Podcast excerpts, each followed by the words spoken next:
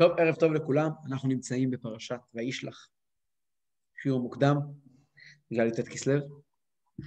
אה, אנחנו הולכים לדבר על דברים מאוד מאוד מאוד יסודיים וחשובים ביהדות בכלל, במיוחד בנושא הזה של פרשת שבוע, אה, פרשת שבוע שעברה, וניתן הבנה כללית בכל הסוגיות כולן. והשאלה שנשאלת, השאלה הראשונה, לפני שאנחנו מתחילים לזוז, השאלה שנשאלת היא, מה הסיפור של יעקב ועשיו? הייתי אומר שיש פה כמעט תסביך. צריך להיזהר איך מדברים, אבל זה ככה נראה. יעקב נולד, קוראים לו יעקב על שם עשיו. ליעקב קוראים יעקב כי ידו אוחזת בעקב עשיו. תבינו מה זה, הוא עוד לא נולד. בקושי הציץ באוויר העולם, לעשיו אין שם דרך אגב. ויקראו אותו עשיו, רש"י אומר, אף אחד לא קרא לו עשיו. כל העם ראו אותו ככה עשוי כולו, כולו עם שיער, וזה, אז קראו לו כולם כאילו כבר עשוי, קראו לו עשיו. לא שהלכו ולא היה לו ברית מילה כידוע. לא שיצחק או קדוש ברוך הוא קרא לו עשיו. ליעקב כתוב שהקדוש ברוך הוא קרא לו יעקב. אבל למה קראו לו יעקב? כי ידו אוחזת בעקב עשיו. נו, אז הייתי חושב שהחלק הזה בתסביך, אז הוא, בזה, בזה די. כשבן אדם נהיה בן אה, מאה ו... ו, 130, 140, אני לא זוכר בדיוק בין כמה, מחליפים לו שם, שינוי השם. נו, סוף סוף בן אדם גדל, עשה משהו בחיים שלו, הקים משפחה, איך קוראים לו עכשיו? עכשיו קוראים לו ישראל. למה ישראל? כי הוא ניצח את השר של עשיו. הוא לא יכול להשתחרר מעשיו. אין לו חיים משל עצמו. וזה ממש אומר דרשני, יש פה סיפור שמיד פותח לנו עיניים ואנחנו מבינים, אברהם נולד לבד, אברהם הוא לבד, נכון, יש לו אחים וזה, אבל אברהם הוא לבד. יצחק הוא ודאי יחיד. יצחק יחידך. יעקב מרגע לידתו ועוד לפני לידתו מגיע בכפול. יעקב ועשיו. ועשיו, אנחנו לא יכולים להאשים אותו בהאשמות שמאשימים את ישמעאל, בטח לא את לוט ואת הרן. הוא גדל בבית של יצחק ורבקה, הוא לא בן של איזה הגר. הוא חלק מרכזי מהסיפור. אומרים את זה בליל הסדר. אומרים שקדוש ברוך הוא נתן ליצחק את יעקב ואת עשיו. שלושתיים. אי אפשר להתנער מאף אחד מהם. ובמיוחד, כשאנחנו רואים את אה, יצחק, שדווקא מחפש את, אה, אוהב את עשיו. וזה לא רק יצחק. תראו באיזה דרך ארץ, באיזו רצינות. יעקב לוקח את עשיו. וישלח יעקב מלאכים לפניו ולעשיו אחיו, ארץ השעיר שדה אדום, ויצב אותם לאמור, כה תאמרון לאדוני, לעשיו, עם לבן גרתי ואיכה ידעת, וכולי וכולי, והוא שולח לו מנחה. וכשהוא כבר פוגש אותו, אז הוא מדבר איתו בהרבה מאוד כבוד והרבה מאוד דרך ארץ, ואפילו הוא מבטיח לו בסוף שאני עוד אבוא לבקר. עד אשר אבוא אל אדוני שעיר. ורש"י כידוע אומר כבר שגם זה יבוא, ויעקב יבוא לבקר את עשיו, כאשר ועלו מושיעים בהר ציון לשפוט את הר עשיו, והייתה להשם המלוכה. אז יעקב ועשיו, משהו שם מאוד מעניין, משהו קורה שם. אז מה הסיפור? כדי להבין את זה אנחנו צריכים לחזור אחורה באמת, באמת, לכל מה שדיברנו בכל השבתות האחרונים. בראשית, נוח, לך לך וירא, חיי שרה, עומדות ויצא. אני רוצה להזכיר בקיצור מה שדיברנו בפרקים הקודמים, גם מי שלא היה כאן יוכל להבין את השיעור, אבל ההקשר כשהוא בתוך ה... מי שהיה בפרקים הקודמים בוודאי יבין הרבה יותר עמוק והרבה יותר טוב את מה שאנחנו מדברים. אבל זה גם אומר לפני עצמו. הכל הכל מתחיל בחטא הדת. מה זה חטא הדת? חטא הדת פירושו שהאדם נברא שלם, חלק מהקדוש ברוך הוא, ויפח באפיו נשמת חיים, והאדם השלם הזה קיבל לידיים שלו משחק לגו, שנקרא עולם. והוא אמור לעובדה ולשומרה, הוא אמור לסדר את הכדור הזה.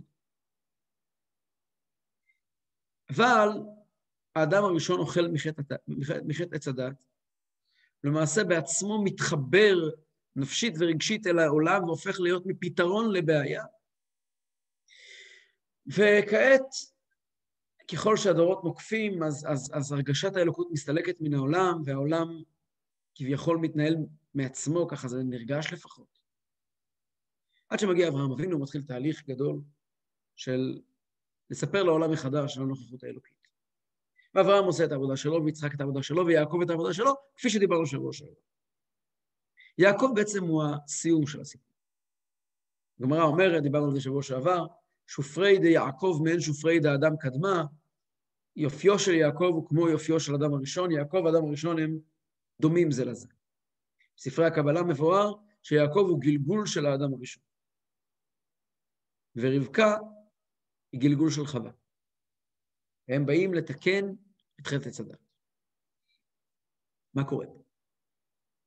כדי להבין את הסיפור של יעקב ועשיו, ולהבין מה קורה בעצם, מה התפקיד של יעקב בסיפור, מה התפקיד של עשיו, איך יצחק ורבקה רואים את הדברים, ישנו פרק נוסף שעברנו לידו כל הדרך, אבל לא התייחסתי אליו כי לא היה לנו... כעת זה הזמן לדבר על הפרק האמיתי, סיפור שלם שקורה מאחורי הקלעים. כתוב כידוע בספרי, במדרש, והרבה אנשים מבינים את זה לא נכון, ובהבנה שגובלת בכפירה. אמ, ועוד יותר באיכות בזוהר, בגמרא, שהקדוש ברוך הוא בונה עולמות ומחריבן. שהעולם שלנו הוא לא מופע ראשון של העולם, אלא לפני כן היו עולמות אחרים, שהקדוש ברוך הוא ברא אותם והחריב אותם, ובלשון הגמרא, הקדוש ברוך הוא אומר, דן הניאן לי, דן לא הניאן לי. אלו מתאימים לי, אלו לא מתאימים לי, וזה, העולם הזה כן מתאים לי. כן ראוי. אז ישנן תפיסות לא נכונות של העניין הזה, כאילו זה כפשוטו, כאילו כאן בעולם הזה יושבים פה על שרידים של עולם קדום, שזו תפיסה שהיא ממש כמעט כפירה, לא אכנס כעת להסברים בזה. מה ההסבר באמת? מה פירוש מונה עולמות ומחריבן? אז הארי הקדוש מלמד אותנו, אריזה, מלמד אותנו הבנה מאוד מאוד חשובה. לא בשקט. מה? הארי הקדוש מלמד אותנו כלל חשוב, על פי זה הוא מבין, מסביר את כל סיפור העולם ותפקידו של האדם. הארי אומר לנו שלמעשה העולם שלנו מורכב משר, משרידים של עולם קדום. העולם הקדום הוא לא עולם גשמי, הוא עולם רוחני. ולעולם הרוחני הזה, מכונה בכתבי הארי, עולם התוהו. ולמעשה, אני כבר אסביר מה זה עולם התוהו. לצד עולם התוהו הוקם עולם אחר, שנקרא עולם התיקון, ועולם התיקון הוא מי שמסדר מחדש את עולם התוהו, וכל זה קורה בשטח של העולם הזה. ואני אסביר.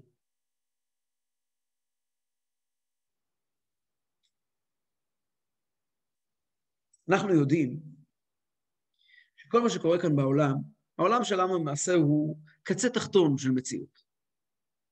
כשאנחנו יוצאים לרחוב ורואים חתולה רצה מפח לפח, ורואים אה, מכוניות אה, זבל שמפריעות לנו לנסוע בבוקר לעבודה או לחלק את הילדים בגונים, ורואים אה, ציפורים מצפצפות, ורואים שלטים שקוראים לביבי, לביבי להתפטר, אז אנחנו חושבים שזה עולם כמנהגו נוהג. אבל לא. כל מה שאנחנו רואים כאן, למעשה זה בבואה של מה שקורה במקום האמיתי, שזה בכלל לא פה, בעולמות העליונים. החתולה שרצה ברחוב היא בסך הכל בבואה חיוורת של אותה חתולה שרצה בעולם היצירה ובעולם הבריאה, בעולמות עליונים ורוחניים יותר, שיש להם ביטוי תחתון, ביטוי מעשי בעולם שלנו. כל דבר שקיים כאן בעולם מבטא למציאות רוחנית. ולולי זה אין לו קיום. חז"ל כבר לימדו אותנו שכל דשא ודשא, כל עשב ועשב, יש לו מזל שמכה בו ואומר לו גדל. שהמשמעות של זה היא שאתם רואים את הדשא גדל, זה לא הפירוש שהדשא גדל, אלא שישנו דשא רוחני, עם תוכן רוחני, אלוקי, קדוש, למעלה, ומכוחו של אותו דשא רוחני גדל הדשא הגשמי. כאילו אנחנו צופים, למשל, כאילו אנחנו רואים איזשהו סרט שמוקרן באמצעות מקרן על הקיר, כן? הדברים לא מתרחשים על הקיר, הם מתרחשים במכונה. גם שם הם לא מתרחשים, אבל זה עניין אחר. כביכול, כל מה שאנחנו רואים כאן סביבנו זה הכל, זה הכל תוצאות. זה לא סיבות, זה תוצאות. זה דבר פשוט.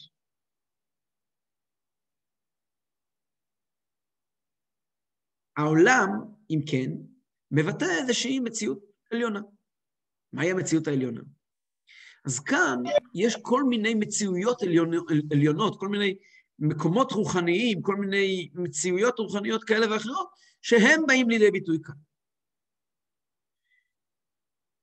כשהקדוש ברוך הוא החליט לברוא את העולם, הוא ביטא כוחות רוחניים מאוד מאוד מאוד חזקים בעולם רוחני, שנקרא עולם התוהו.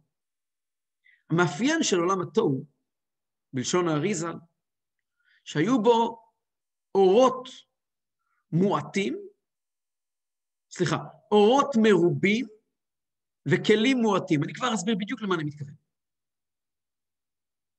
ועולם התוהו לא יכול היה להחזיק מעמד. הוא פשוט התפוצץ. מה הכוונה? אני אתן הסבר. אמ, ישנם אנשים שחוו חוויה חזקה מאוד.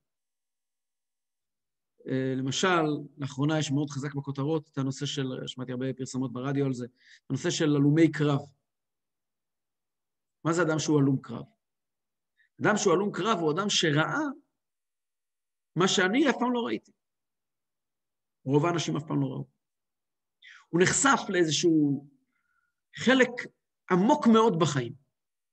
חלק בחיים שבן אדם רגיל לא ראה. ואם נגיד את זה יותר, יותר אמיתי, אדם רגיל לא מסוגל לראות. ישנם מחזות שאדם ראה, שמעבר ליכולת שלו לתפוס. והדבר הזה מכה בו בעוצמות אדירות,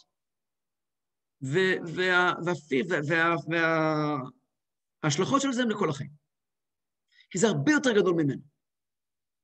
יש אנשים שיש להם uh, חוויות ילדות טראומטיות. ראו משהו שלא צריכים לראות, שמעו משהו שלא צריכים לשמוע, נחשפו לאיזושהי מציאות שקיימת בעולם, אבל המציאות הזאת הייתה הרבה מעבר למידות שלהם, והדבר הזה כמו סימא אותם, כמו עיוור אותם, כמו שבן אדם רואה איזה אור חזק מאוד והוא לא יכול לראות אחר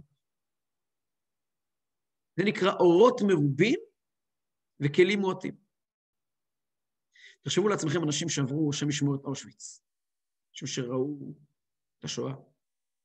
הם אנשים שאולי אלה שמתוכם שהצליחו לשרוד, ולשרוד לא רק אה, פיזית, אלא גם מנטלית, יצרו המון חומות של הפרדה בין מה שהם חוו לבין החיים שלהם.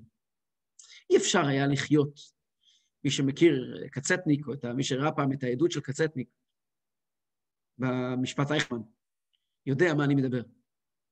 קצטניק היה אדם מאוד מאוד מאוד מאוד חכם. אגב, הוא היה גם דמות חכם גדול מאוד. הוא לומד בישיבה בחכמי לובלין, אצל מאיר אה, שפירא בלובלין. תלמיד חכם גדול מאוד. הוא היה אדם בריא, אדם מאוד חכם, בריא, אדם מאוד... ובגלל שהוא היה אדם כל כך חכם, מסתבר שהיו לו מילים שלא היו לאף אחד. והוא עבר את אושוויץ, היה חמש שנים באושוויץ, וכשהוא העיד במשפט אייכמן, הוא לא דיבר כמו בן אדם רגיל, הוא לא דיבר כמו כולם. כולם עמדו בהלם, לא הצליחו להוציא מילה מהפה. ככה וככה, והגעתי לאושוויץ בתאריך זה וזה, והייתי בחדר זה וזה, בביתן זה וזה, וראיתי את אייכמן. אתה שומע אותו מדבר, הוא מדבר בכלל בדימויים, הוא מדבר ברעיונות, הוא מדבר ב... ואז הוא, כן, הוא מתחיל לדבר על פלנטה אחרת, על כוכבים, הוא מדבר בסמלים, אתה רואה שהוא מבין הרבה יותר טוב מאחרים מה הוא ראה. ודווקא לכן, לא עוברים שלוש דקות של עדות, הבן אדם קורס על הרצפה מתעלף. מי, ש... מי שמכיר את זה, זה, אני חושב שזה קטע מאוד מכונן. וזה דווקא בגלל שהוא אדם מאוד בריא ומאוד חכם, עם, עם, עם, עם כלים, עם, עם יכולות, עם יכולות אה, אה, לא רגילות. תוהו זה איזושהי אנרגיה מאוד מאוד מאוד מאוד חזקה, בלתי ניתנת, בלתי ניתנת להכלה. וכשהקדיש ברוך הוא ברא את העולם בשלב הראשון, הוא ברא תוהו. כלומר, הוא ברא את האנרגיה שמחיה את העולם בצורה מאוד קיצונית. בצורה שמבטאת, העולם הרי מורכב משבעה יסודות, או שישה יסודות, מידות העליונות, כל אחד מהמידות האלה היה עם כל העוצמות. ולכן, בכוונה היה ככה, זה לא יכול לייצר עולם יציב, זה לא יכול לייצר איזשהו מקום של הרמוניה. ולכן נוצר מצב, מכתחילה זה כמובן היה מתוכנן, של שבירת הכלים, כך זה נקרא. שהדבר הזה יתנפץ לגמרי. ומאני, ככה לכם בקבלה, מהשברים של הכלים שנשברו, שהיו מלאים באנרגיה הזאת של עולם התוהו, נוצרה כל הגשמיות של העולם הזה. אלו רעיונות, כן, כמובן, אה, זה לא כפשוטו, זה לא בגשמיות. אני תכף אסביר את הרעיון. ואז הקדוש ברוך הוא אמר, נברא עולם אחר. עולם של תיקון, שזה עולם האצילות. מה זה עולם האצילות? הוא בנוי בדיוק הפוך. יש שם הרבה מאוד כלים ומעט מאוד אורות. זאת אומרת, האנרגיה שקיימת שם היא אנרגיה מאוד מופחתת, והיכולת להתעסק איתה היא מאוד מאוד גדולה. בעולם התוהו, הכלל הוא, אורות מרובים, כלים מועטים, עולם התיקון פירושו אורות מועטים, כלים מרובים. אם ניקח במשל, למשל, של על אושוויץ, אז ברוך השם, אני חושב שכל מי שנמצא כאן בשיעור לא היה שם. כאילו גם אם היה בשטח הפיזי, כבר הזכרתי את קצתניק שזה היה בפלנטה אחרת.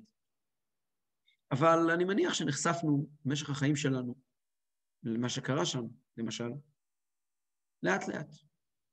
אף אחד מאיתנו לא, לא קרא לזוועות כשהוא היה בן ארבע. אה, בערך בגיל, בכיתה א', ביום השואה, שמענו מילה או שתיים, וככל שהתבגרנו, אז אולי בגיל קצת יותר מבוגר, שמענו עוד ועוד ועוד, ואני מניח שהיום רוב, רוב תושבי הבוגרים של מדינת ישראל יודעים על מה מדובר. אף אחד לא באמת יודע על מה מדובר, אבל יודעים על מה מדובר. זה הגיע אלינו מעט-מעט, אבל בצורה שאנחנו יכולים לאכול את זה. יכולים לאכול את זה, יכולים להכיל את זה. ואני לא יודע אם, אם מותר להגיד את זה, ואנחנו גם פועלים על פי זה. כן, תודעת השואה היא ללא ספק התודעה הכי חזקה פה בארץ, בכלל בעם היהודי. באמריקה עוד יותר מאשר בארץ, בארץ יש הרבה מה לתקן בעניין הזה. אבל אה, אנחנו, אני חושב שכל מה שקורה פה, בסוף קורה מכוח השואה. אני יכול להוכיח את זה, אבל אין לי כוח. אה, זה, זה המנוע, זה הדבק הכי עמוק של החברה כאן, וזה ה...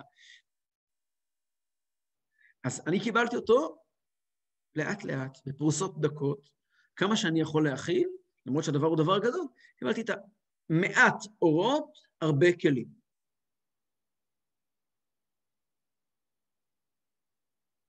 היחס בין תוהו לתיקון, שהתוהו, שהתיקון צריך לתקן את התוהו, לרכב על התוהו. מה הכוונה? אומר לנו האריזל, חוזר בקיצור את שיטת האריזל, דבר מאוד יסודי באריזל, שהעולם שלנו מלא בעצם באנרגיה של תוהו, אבל אנרגיה כבויה. נשורת של תוהו. ואנחנו המתקנים צריכים לבוא בעדינות ובזהירות, וללכת בתוך השטח הזה שהוא תוהו כבוי, צעד אחר צעד, ולהרים את המחצבים של העולם הזה שמלאים בתוהו, ולהוציא מהם את התוהו הכלוא בהם, ולמזג אותו עם התיקון, ובעצם האנרגיה של התוהו היא הרבה יותר גדולה מאשר האנרגיה של התיקון. בעצם בזה עצמו להעיף, להרים את התיקון למקומות אחרים לגמרי. זה בגדול דברי אריזל, אני אסביר אותם קצת על פי חסידות. המשל שמביאים על זה בחסידות זה, כמה משלים. המשל הראשון שמביאים על זה בחסידות זה שליטה של האדם בטבע. אם אנחנו נסתכל על הטבע סביבנו, הטבע זה אחד הדברים הכי מפחידים שיש, אם לא הדבר הכי מפחיד. מי שלא, מי שלא קשור לקדוש ברוך הוא מפחד, כן? מי שקשור לקדוש ברוך הוא מפחד מכלום. אנחנו מסתכלים על הקורונה, למשל. היצור המוזר והקטן הזה שהגיח לחיינו לפני שנה ושיבש סדרי בראשית. ובאמת, אף אחד לא יכול לעמוד מולו בהתחלה. לא יודע מה לעשות, אתה לא יודע איך, מה הצעד הבא שלך. זה, זה דומה לגלי צונאמי אדירים ששוטפים את, את אסיה, ככה פתאום הים עולה על גדותיו, גובה של נד מים, של, של גובה של, לא יודע, 20 מטר, הוא שוצף, שוטף את הרחובות, מה אתה יכול לעשות? הטבע הוא ענק, הוא אדיר. ואדם עומד מול איתני הטבע, מול סערה מטורפת בים, מול הר געש. אין שום דרך לאדם לשלוט בזה.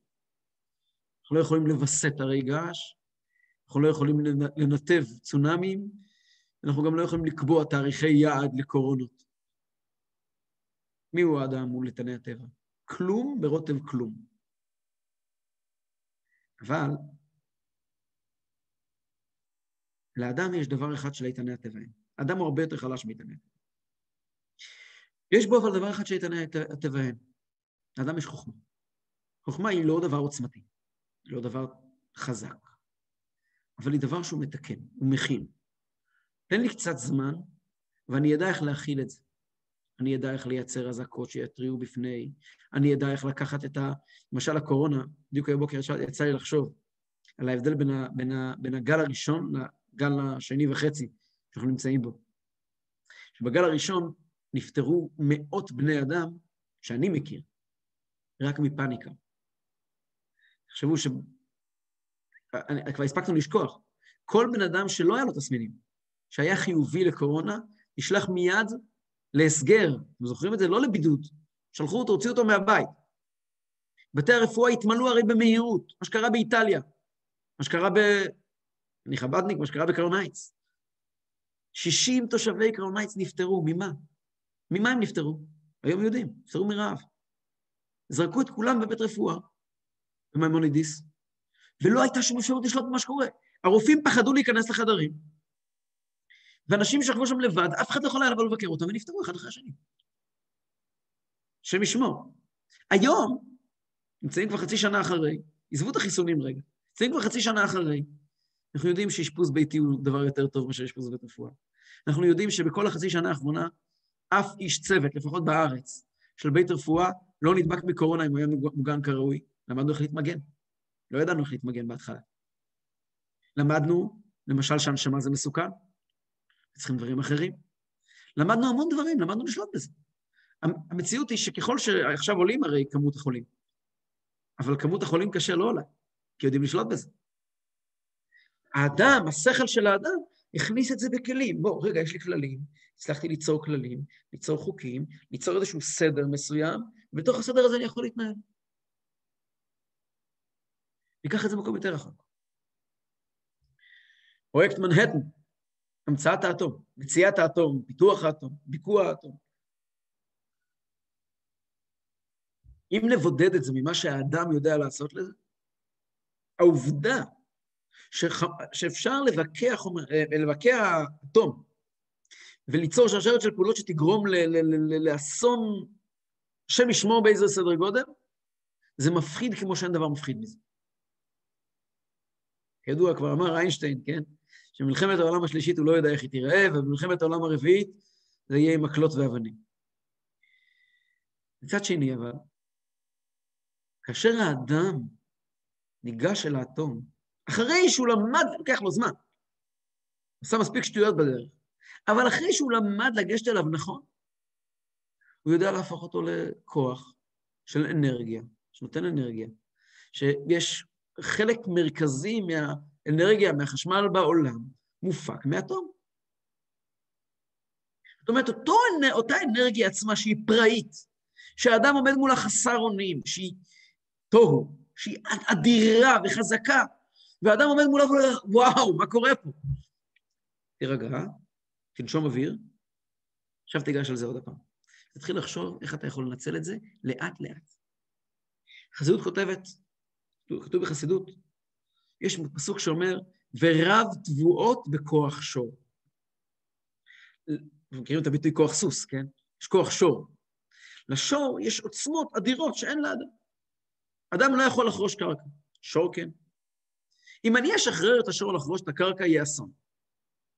אני מוכרח לשים עליו עול, להקנות עליו, לקנות עליו שליטה ובעלות, ואז אני יודע לתעל את האנרגיה של השור, לא של האדם, לטובת האדם. זהו סוד הטוב והתיקון. העולם שלנו גדול וחזק מאיתנו, על פי הסוד. פי האריזה. מש... העולם הוא יותר חזק מאיתנו, פיזית. יש תהליכים שקורים בעולם שהם הרבה יותר גדולים מאיתנו וחזקים מאיתנו, אבל הם כאן כדי שאנחנו נשלוט בהם. אנחנו לא נהיה יותר חזקים מהם, כי הם תוהו, והאדם הוא מעולם התיקון, אבל אנחנו יכולים לתעל את הכוח שיש בהם למקומות טובים.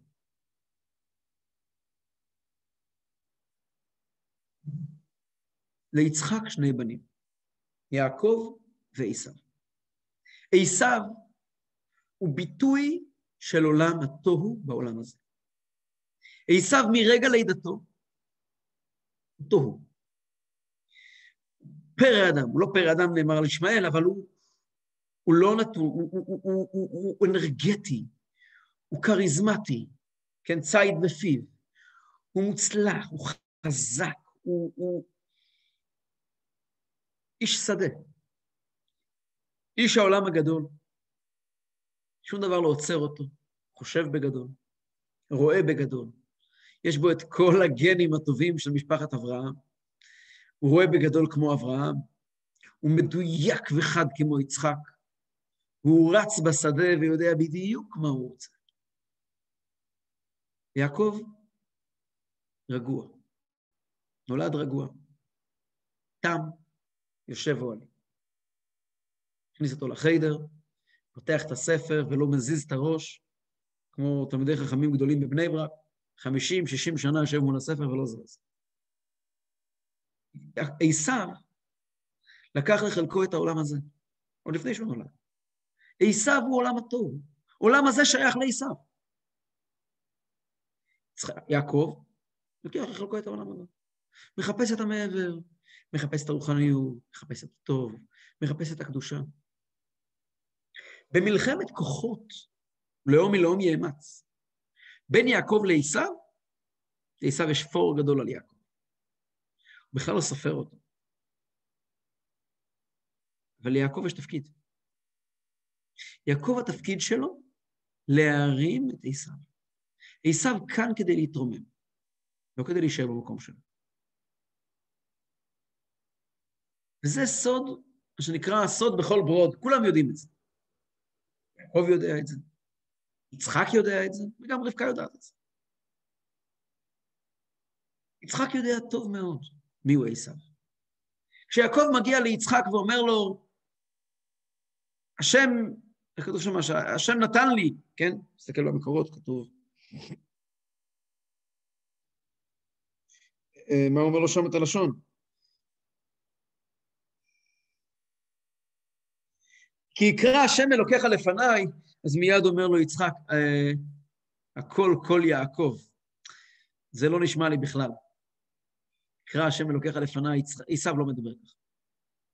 יצחק יודע בדיוק איך עשיו מדבר. יצחק עיוור בעשנם של נשות עשיו שמקטרות לעבודה זרה.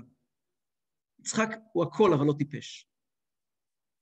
אבל יצחק אומר, אם המטרה שלנו, של אברהם ויצחק ויעקב, המטרה שלנו היא לכבוש את העולם, להפוך את העולם לקודש. עשיו הוא האיש. לאיפה כבר יעקב יכול להגיע? באיזה תחומים הוא יכול להגיע? הוא יושב לו בבית המדרש, עם השטנדר, והגמרא הפתוחה, ומתעלה, עולה ומתעלה. לפני שירדנו לעולם הזה, היו מלאכים ושרפים, והנשמות שלנו לפני שירדו לעולם הזה, ישבו כמו יעקב בבית הדין של מעלה, בישיבה של מעלה ולמדו תורה. המטרה היא הרי להרים את העולם, המטרה היא הרי לרומם את התוהו. הנה, נולד, פה, נולד פה בן, שמיום לידתו הוא מבטא, עוד לפני לידתו, בהיריון, הוא מבטא את התוהו כפי שהוא. הבן הזה נולד בבית משפחת יצחק ורבקה. כלומר, הוא הילד שבו תתגשמנה כל התקוות. הוא מי שיתפוס את העולם ובעזות דקדושה יהפוך אותו למה שצריך להיות. זאת תפיסת העולם של יצחק. אגב, כתוב בחסידות דבר נורא מעניין. יצחק ארגן שתי ברכות. ברכה אחת לעשיו וברכה שנייה ליעקב. הנה, שימו לב המקורות. כאשר מגיע יעקב מחופש לעשיו, מברך אותו יצחק, יש לכם איזה מקור מספר ג' יעקב מברך את עשיו, יצחק מברך את יעקב, וייתן לך האלוקים מטל השמיים ומשמני הארץ ורוב דגן ותירוש. זה מה שהוא מברך אותו. יעבדוך עמים וישתחוו לך לאומים, וגביר לאחיך, וישתחוו לך בני אמך, ועורריך ארור ואחיך ברור. זאת הברכה המיועדת לעשיו, שמגיעה טעות, כי לכאורה, ליעקב. אבל אם מסתכלים הלאה, במקור ארבע, יש גם ברכה ליעקב, מלכתחילה ליעקב.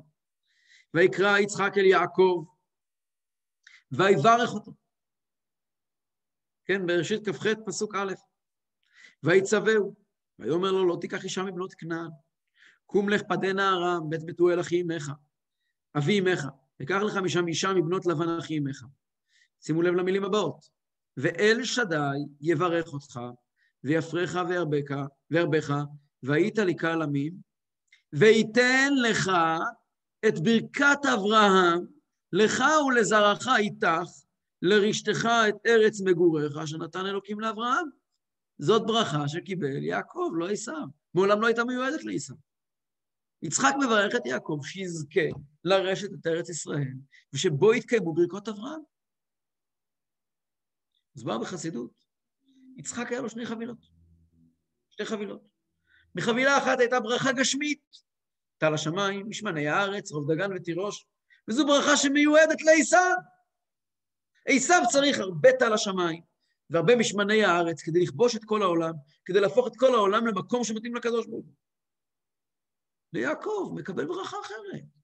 ברכת אברהם, ארץ מגוריך אשר נתן נתן אלוקים לאברהם, ארץ ישראל, בית המקדש, הקדושה, הרוממות, ההתנשאות. זה בשביל יעקב. יצחק אוהב את שניהם. יצחק מאמין בדרך של עשיו, הוא אוהב גם את יעקב. יש לו, את יעקב הוא יברך שיגדל להיות ירא שמיים גדול, תלמיד חכם גדול, שיבין את תוספות, שיצליח ל- ל- ל- לסיים את הש"ס, ושיעשה עליי חזרה, וגם... זה, זה ברכות ליעקב. מה יעקב צריך טל השמיים, בשמני הארץ? מה יעשה עם זה? מה יש לו לעשות עם זה? רבקה יודעת שהסיפור הוא קצת שונה. רבקה גם היא אוהבת את עשיו. רבקה גם היא אוהבת את עשיו. רבקה גם היא יודעת שלעשיו יש תפקיד חשוב מאוד. גם היא יודעת שעשיו הוא עולם הטוב, אבל היא יודעת שתוהו לא מתקן את עצמו. תוהו מתקנים רק דרך תיקון. ליעקב תהיה משימה לרומם את עשיו. זאת אומרת, אם אני אנסה קצת להגיד את זה בעברית של היום,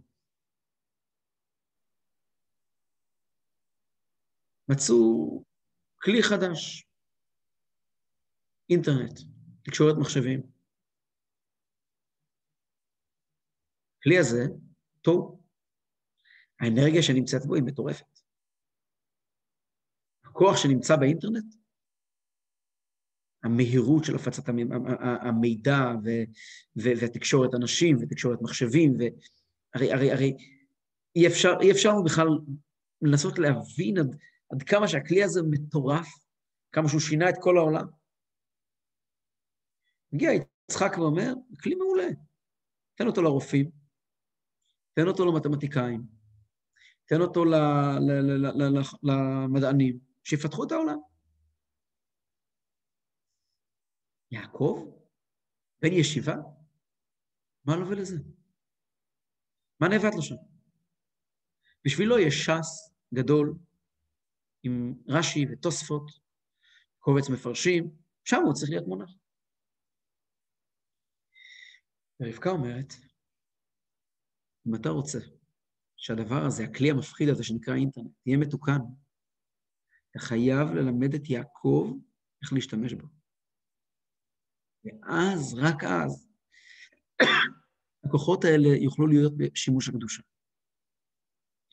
למעשה, יעקב, שכמו שדיברנו שבוע שעבר, המשימה שלנו היא להרים את העולם ולמצוא בעולם שכמו שאמרנו כאן זה בית, שהעולם הוא לא סתירה לקדוש ברוך הוא, הוא לא מפחד מכלום. הוא הולך עם האמת שלו, יעקב הוא איש ישר. הוא לא מפחד מהעולם, יכול לתקן את העולם. אבל הכלל הוא שלא הכל עושים מיד. זה ההבדל בין התפיסה של יעקב לתפיסה של יצחק. אני לא אעמיק יותר מדי להסביר כדי למה יצחק חשב מה שחשב, אבל uh, הוא לא טעה, זו תפיסה יותר עמוקה, אני לא אכנס לזה כעת. אם יבוא אדם ויאמר, אני רוצה לגשת לאינטרנט בידיים חשופות, בלי הגנה, אני רוצה לגשת לכל מה שיש לעולם היום, לעולם התוהו, להציע, כמו שאני, לגמור רע מאוד. רע מאוד. מסוכן מאין כמותו. יעקב לובש הרבה מאוד בגדי הגנה כדי לגשת לטפל בזה. וזה הסיפור שכתוב בתורה, שרבקה אומרת ליעקב, אתה צריך ללבוש בגדי עשיו, ולגשת ליצחק כשאתה לבוש בבגדי עשיו. למה?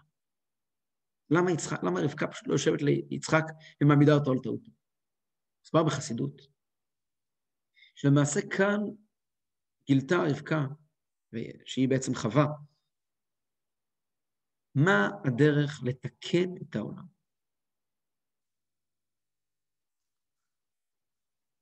אם אתם זוכרים, דיברנו בשיעור על פרשת בראשית, שכל הטעות התחילה כשהאדם הראשון היה, בעקבות חווה, היה מעורב רגשית בתהליך של מה שקורה בעולם. הוא נסחף לתוך העולם.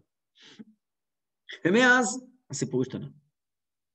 כדי שיעקב יהיה מסוגל לרומם את העולם, הוא חייב דבר אחד, לא להיסחף לעולם, לא להידלק מהברק של העולם. תיקון חייב לדעת לשלוט בתהום.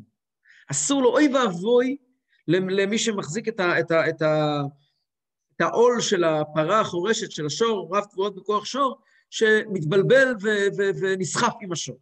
סכנה, סכנת נפשות.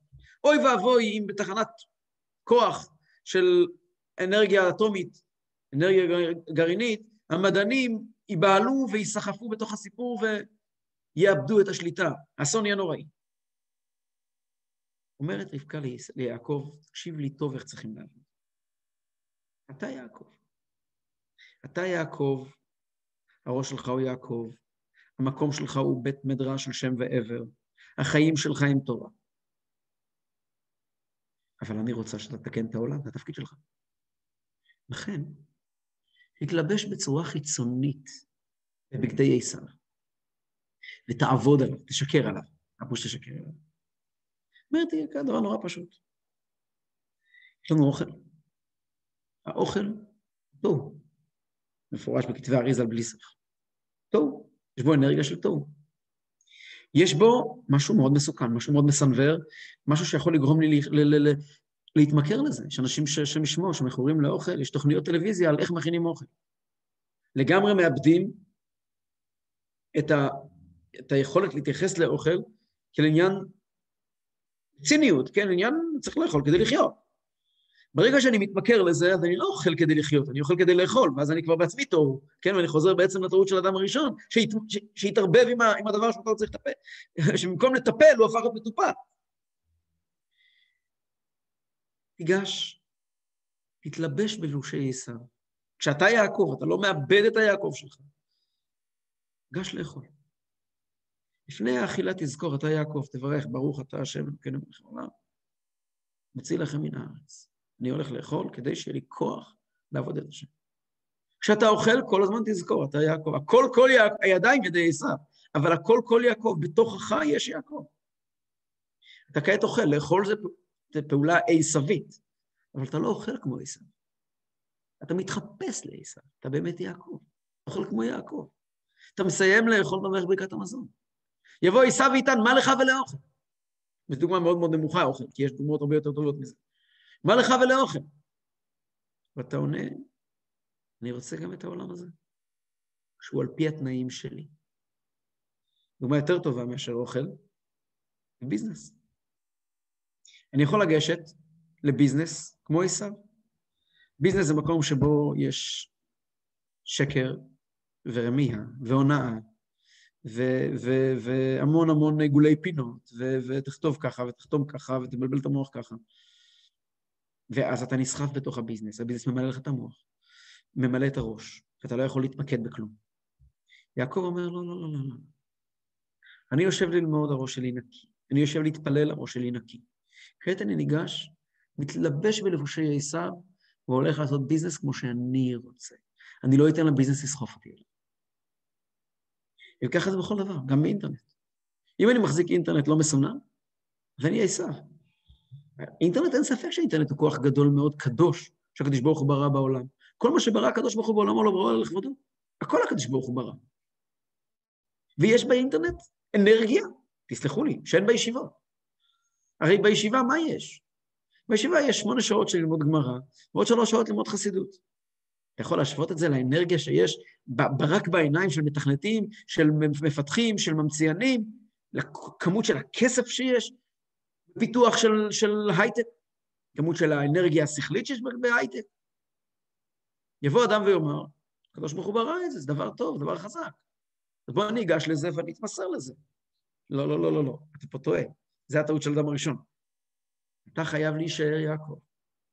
לבוא ולומר, רגע, רגע, רגע, אם אני רוצה להשתמש בזה, קודם כל אני חייב לשים הגנה, כדי שאני לא אסחף בפנים.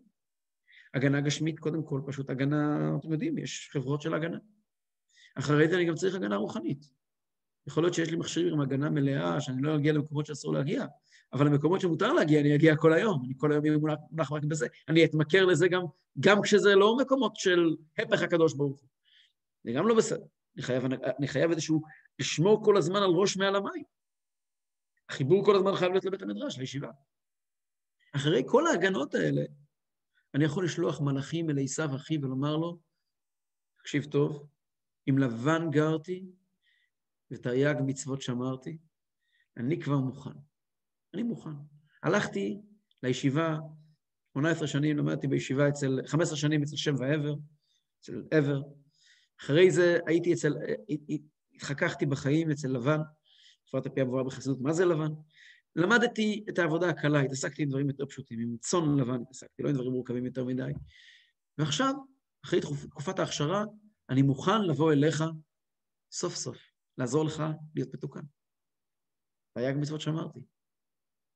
עדיין יעקב פוחד, פוחד מאוד מהמפגש עם עשיו. פוחד כי הוא יודע מי זה עשיו. הוא יודע שהשורש של עשיו קבוע וקדוש מאוד. עד שהוא נתקל באמת בשרו של עשיו, ובאותו מלחמה לפנות בוקר.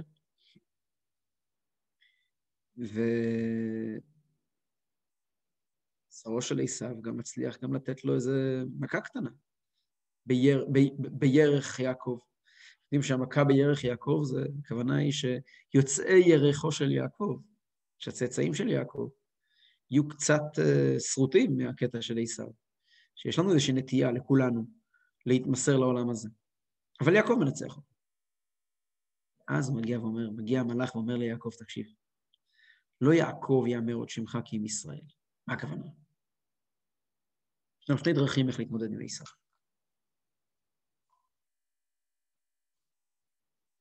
דרך האחת הרגילה זה יעקב. יעקב מלשון אומר רש"י, עקבה ורמייה. יעקב הוא כל הזמן עובד עם מניפולציות, הוא איש תם יושב אוהלים, אבל הקשר, כל הקטע שלו עם העולם זה במניפולציות. אני עכשיו הולך לאכול לחם, אני עכשיו הולך לאכול ארוחת צהריים, ארוחת צהריים מטבעה מושכת אותי כלפי מטה.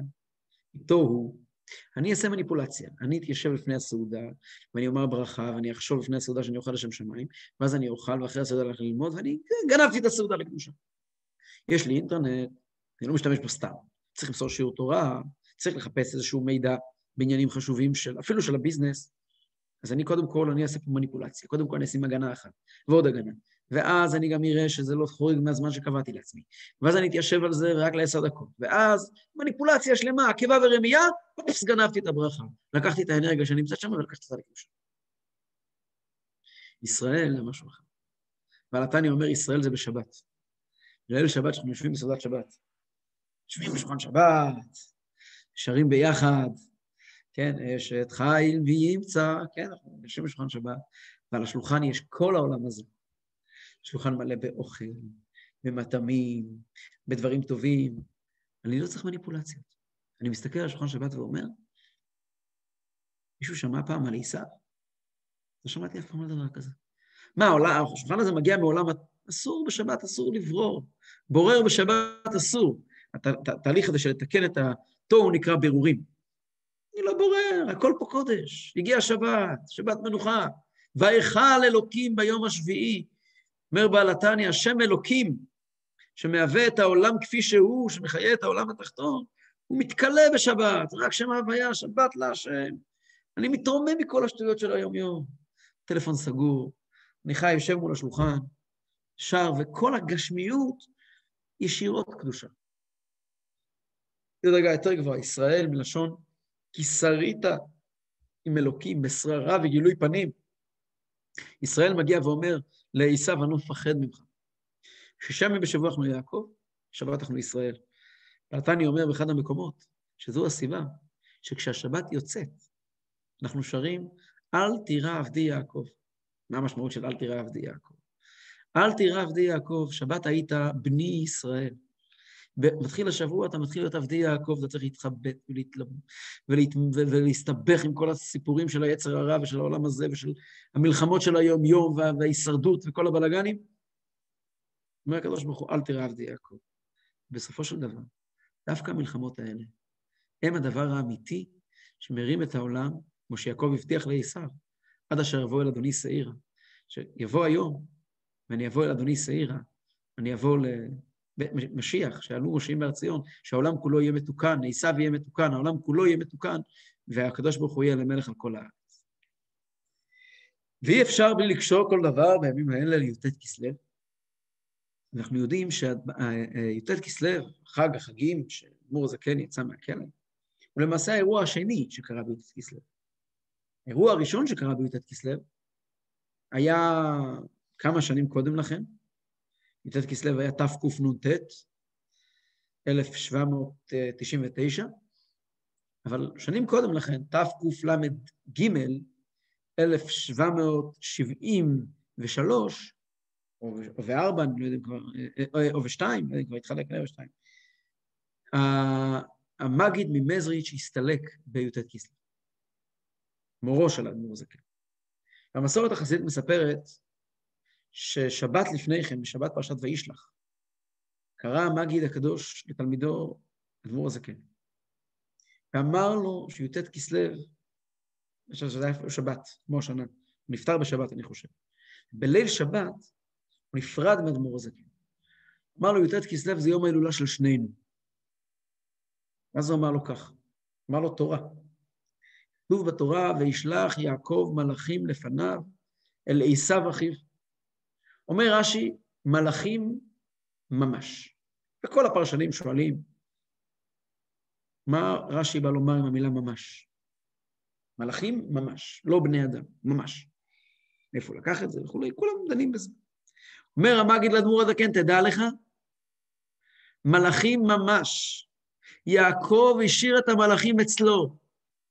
את הממש של המלאכים, את החלק היותר תחתון שלהם, הממשי שלהם, את זה הוא שלח לעיסא. מה המסר? מה לימד המגיד את אדמו"ר הזקן? אמר לנו הרבי שלנו, גם הרבי דיבר על זה באריכות ואמר, המגיד לימד את אדמו"ר הזקן את סוד עבודת הבירורים, את הדרך שבה אפשר לתקן את העולם. כשאתה ניגש לעולם, כשאתה ניגש לעשיו, שלח אליו רק את הממש. את המלאכים תשאיר אצלך. אם אתה רוצה לתקן את העולם, אתה חייב שכל מעשיך יהיו לשם שמיים, שבכל דרכיך דאהו, שהקדוש ברוך הוא יהיה לנגד עיניך, שיוויתי השם לנגדי תמיד. לא להתנתק רגע מקדושה, רגע מתורה, רגע מעבודת השם. ורק אז תתעסק עם עשיו, תתעסק עם הגשמיות, בלא לב הלב, טכנית. ככה אתה יכול לשלוט בכל דבר. באמת הדרך של אדמו"ר הזקן, שבה אנחנו צועדים עד ביאת משיח. והדרך הזאת בדיוק. מצד אחד, אני לא יודע אם יש בעולם מי שבז יותר לעולם וצוחק מהעולם, כמו שדיברנו בשיעור ביום שלישי האחרון, אתמול בעצם, כן?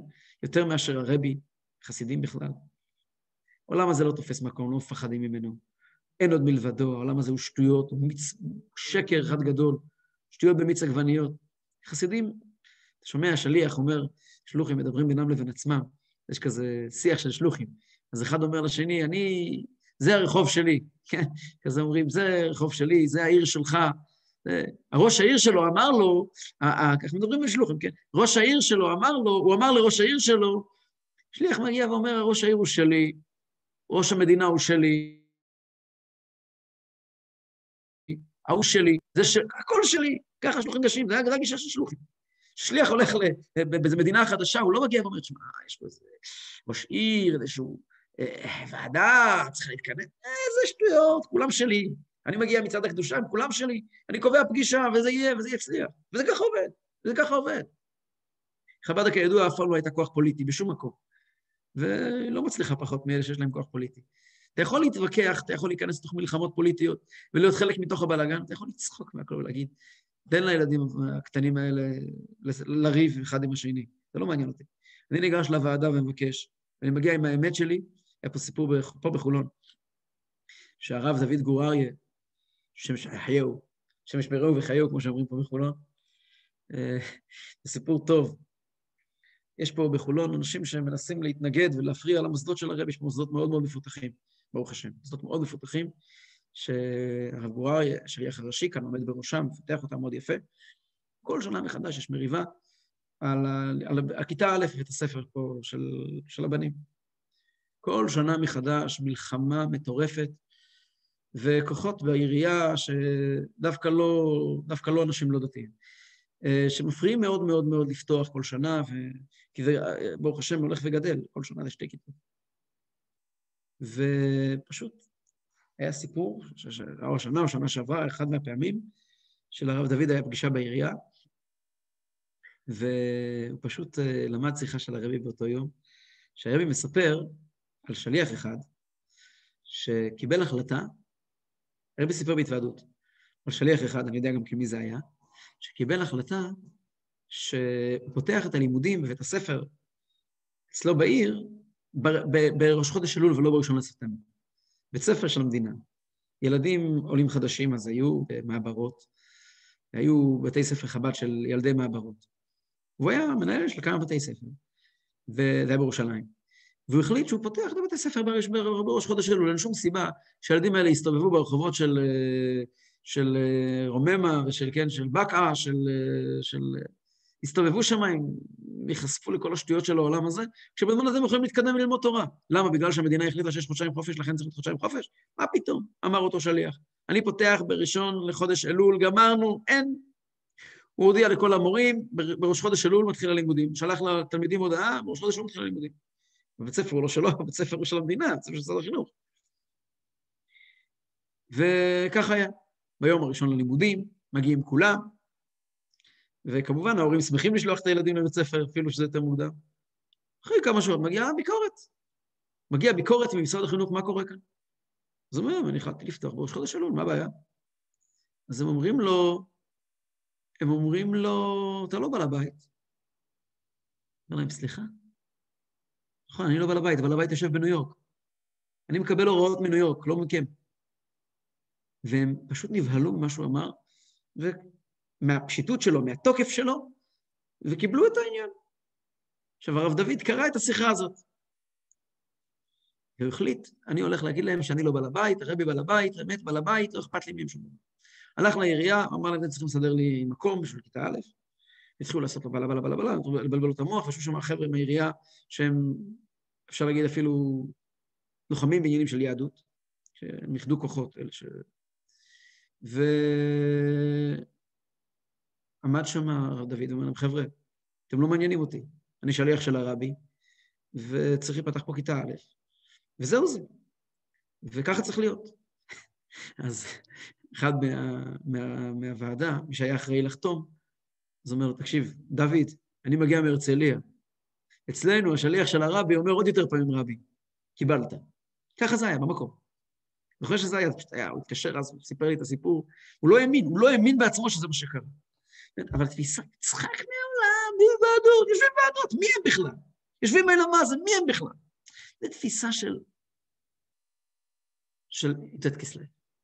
שלח את הממש לעולם, יש לי אחד מהחבר'ה כאן בשכונה, אה, לא אומר פרטים, כי יש פה קרובי משפחה שלו פה בזום, הם בטח יודעים את הפרט. שעם זה אני אסיים, ככה סיפור טוב ככה לקראת י"ט כסלו, שהיה אמור לקבל uh, תפקיד חדש בצבא. וכדי לקבל את התפקיד הזה, היה המון המון חששות. המון חששות. היו הרבה אנשים ששמו לו רגליים בדרך, גם בגלל שהוא היה עסוק בתפקיד שלו, בעיקר בלהפיץ תורה ויהדות. תפקיד מאוד חשוב. והוא מאוד פחד, מאוד פחד מה יהיה בפגישה. התקשר אליי יום לפני כן, אומר לי, מה אני עושה? אמרתי לו, תיקח את המאמר של הרבי הרשע, באומנם יושב אלוקים על הארץ, מאמר שמסביר שאין עולם. תלמד את זה שלוש פעמים. תכניס לעצמך לראש שאין עולם ותלך לפגישה. ילד טוב, הוא עשה מה שאומרים לי. ישב, למד את המאמר האומנם שלוש פעמים, הלך לפגישה, סיפור אמיתי, הלך לפגישה. יושבים שם כמה פקידים, וגם יש כמה חבר'ה שממש לא רצו שהוא יתקדם, צברו נגדו כל מיני. הוא נכנס ואמר להם, חבר'ה, תקשיבו, אין לי זמן. אני הגעתי למסקנה שהתפקיד הזה והזה הוא תפקיד שמתאים לי. אני אעשה אותו בצורה הטובה ביותר, לא בשבילי, בשביל עם ישראל. עכשיו תראו, אם אתם תחליטו שכן, מה טוב. אם תחליטו שלא, זה לא אתם החלטתם. הקדוש ברוך הוא בעצם אומר לי, זה לא מתאים לך. בעצם הקדוש ברוך הוא בעצם אומר לי, זה לא מתאים לך. אתם מבחינתי שום דבר, שיהיה לכם ברור. אני הגעתי לכאן כי אני חושב שהתפקיד שלי לבוא ולהתקדם, וכי, כי זה מה שטוב בשביל עם ישראל, מה שהצבא צריך, אני מאמין בזה. אתם רוצים? טוב, לא רוצים? סימן שהקדוש ברוך אומר לי, לא, הכל בסדר. לא עוברים שתי דקות. אומרים לו, התקבלת, אתה מקבל את התפקיד הזה. זה הגישה של, של, של, של, של י"ט כסלו, של הרבי, מה שחסידות מלמדת אותנו. העולם הוא בדיחה. תשלח את הממש לטפל בעשר. תישאר עם המלאכים אצלך. הקדוש ברוך הוא יעזור לנו. שלשנה טובה בלימוד החסידות, בדרכי החסידות ניכתב וניחתם, ובעזרת השם ניפגש מוצאי שבת בשעה שמונה, כאן בזום, כל אחד עם בקבוק משקה גדול, ועם הרינג, ועם בשר, בנפרד. לא צריכים ביחד, אסור ביחד. ונשמח בשמחת הגאולה, ונודה לקדוש ברוך הוא על גאולתנו ועל גדות נפשנו, ונשאיר לפניו שיר חדש. ברוך אתה השם, גאל ישראל. להתראות לכולם. תודה רבה.